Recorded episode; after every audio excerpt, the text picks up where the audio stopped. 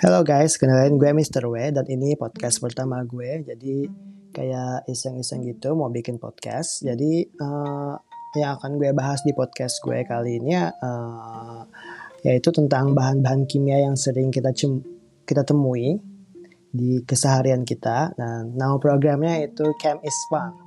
So chemistry is fun, ya yeah, chem is fun. So Ah, sebelumnya disclaimer dulu buat teman-teman semua kalau nggak mm, sepenuhnya apa yang gue bahas di podcast ini itu benar, amin nggak amin nggak 100% benar. Jadi eh, ini semua berdasarkan apa yang gue pelajari di lapangan, apa yang gue lihat, apa yang gue tahu berdasarkan pengalaman orang-orang yang gue kenal juga.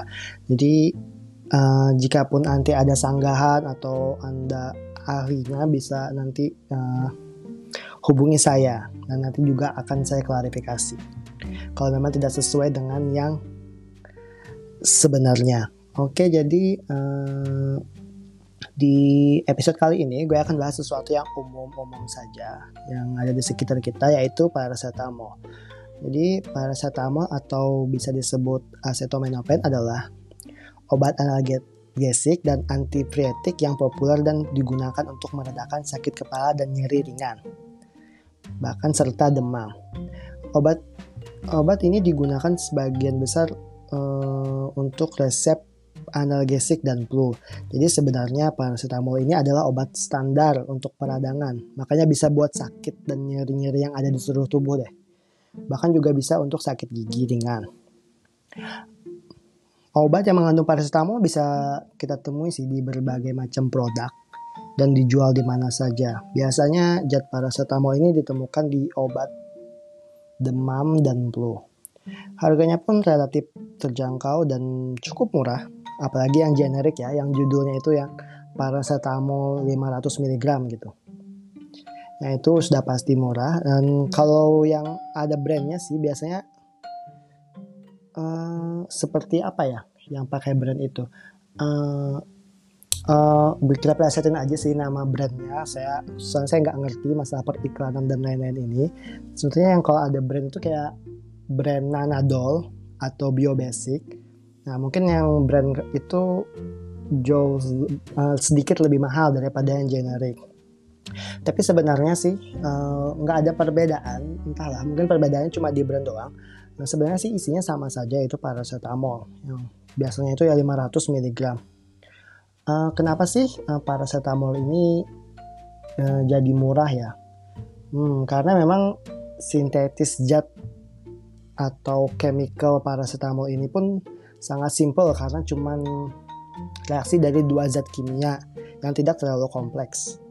Juga kebetulan saya pernah kerja di perusahaan obat, jadi saya tahu persis gimana paracetamol ini. Dari pembuatannya pun sangat simple, penyimpanannya pun sangat mudah, dan untuk bagian lab pun zat ini zat, zat ini itu gampang untuk gampang banget untuk dianalisa dan gak banyak makan biaya dan waktu juga. Gak heran ya paracetamol ini murah dan ada di mana-mana. Dan kebetulan juga kegunaan paracetamol ini benar-benar terpakai sih di kehidupan kita sehari-hari. Bahkan kalau di rumah-rumah kita semua atau di rumah-rumah teman-teman semua, uh, kita menemui sih pasti ada aja obat yang mengandung zat paracetamol ini. Uh, jadi uh, ya begitulah banyak sih kegunaannya. Nah, kalau yang brand itu mungkin yang brand seperti kayak brand Nanadol tadi itu uh, itu mungkin lebih mu lebih mahal karena mungkin karena brand aja kali ya. Mungkin kalau misalkan produk dengan brand itu berarti dibuatnya dengan lebih dengan effort lebih. Kayak gitu. Harusnya sih begitu. Nah untuk paracetamol sendiri untuk konsumsi sendiri sebenarnya paracetamol ini uh, akan berbahaya juga jika dikonsumsi berlebihan. Walaupun terkad walaupun nggak sampai menyebabkan kematian sih. Ya yang penting itu dikonsum jangan dikonsumsi berlebihan. Dalam sehari itu nggak boleh lebih dari 200 eh sorry 2000 mg per hari. Yang biasanya kalau kelebihan lebih dari 2000 mg per hari itu akibatnya bisa mengganggu pencernaan kita. Nah, jadi buat teman-teman semua uh, dihitung nih konsumsi paracetamolnya per hari berapa berapa miligram gitu dan biasanya kan satu tablet itu kalau nggak salah brand Nanadol itu pun Nanadol yang normal ya yang warnanya yang normal nggak yang untuk apa untuk apa. Itu biasanya sih 500 mg per hari 500 mg per tabletnya. Jadi ya hmm, kalau bisa jangan lebih dari 4 tablet lah. Maksimal 4 tablet deh dalam satu kali 24 jam. Hmm.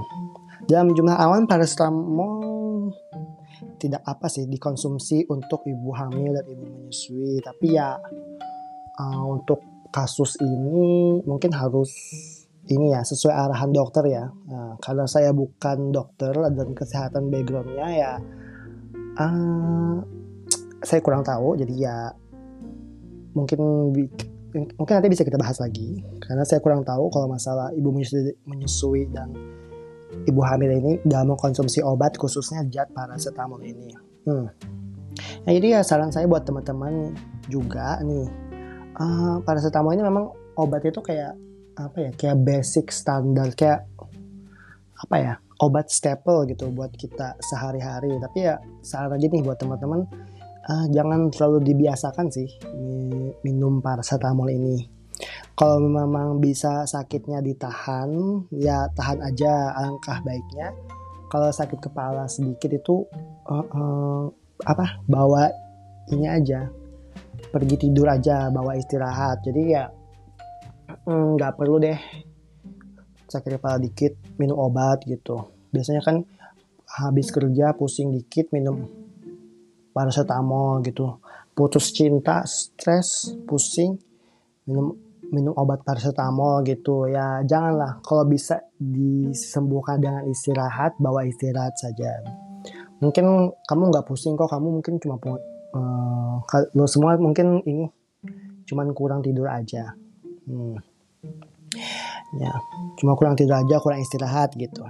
Ya takutnya sih kalau misalkan keseringan minum ya kita jadi kebiasaan gitu. Apa-apa paracetamol apa-apa paracetamol. Takutnya nanti di kemudian hari zat paracetamol ini malah udah jenuh dan nggak bisa direspon lagi oleh tubuh kita kalau kita memerlukan paracetamol untuk mengatasi demam, nyeri, sakit kepala dan lain-lain. Tapi kalau misalkan teman-teman sudah kayak fix lagi demam atau flu gitu, uh, saran gue sih mending lang boleh sih langsung pak paracetamol aja kalau emang udah fix demam, coba ada naik dan ada flu gitu. Yang itu kalau yang itu sih memang harus paracetamol. Tapi kalau cuma sakit kepala sedikit ya usahakan jangan dulu lah. Mungkin harus dipikir lagi untuk mengkonsumsi paracetamol ini dalam kehidupan sehari-hari. Jadi ya gitu sih untuk uh, pembahasan paracetamol ini mungkin uh, sedikit memberikan informasi kepada teman-teman semua. Uh, sorry jika ada salah. Jadi uh, ikutin terus uh, perkembangan podcast saya, podcast gue maksudnya. Jadi see you in the next episode. Uh, hope camp is fun. So see you.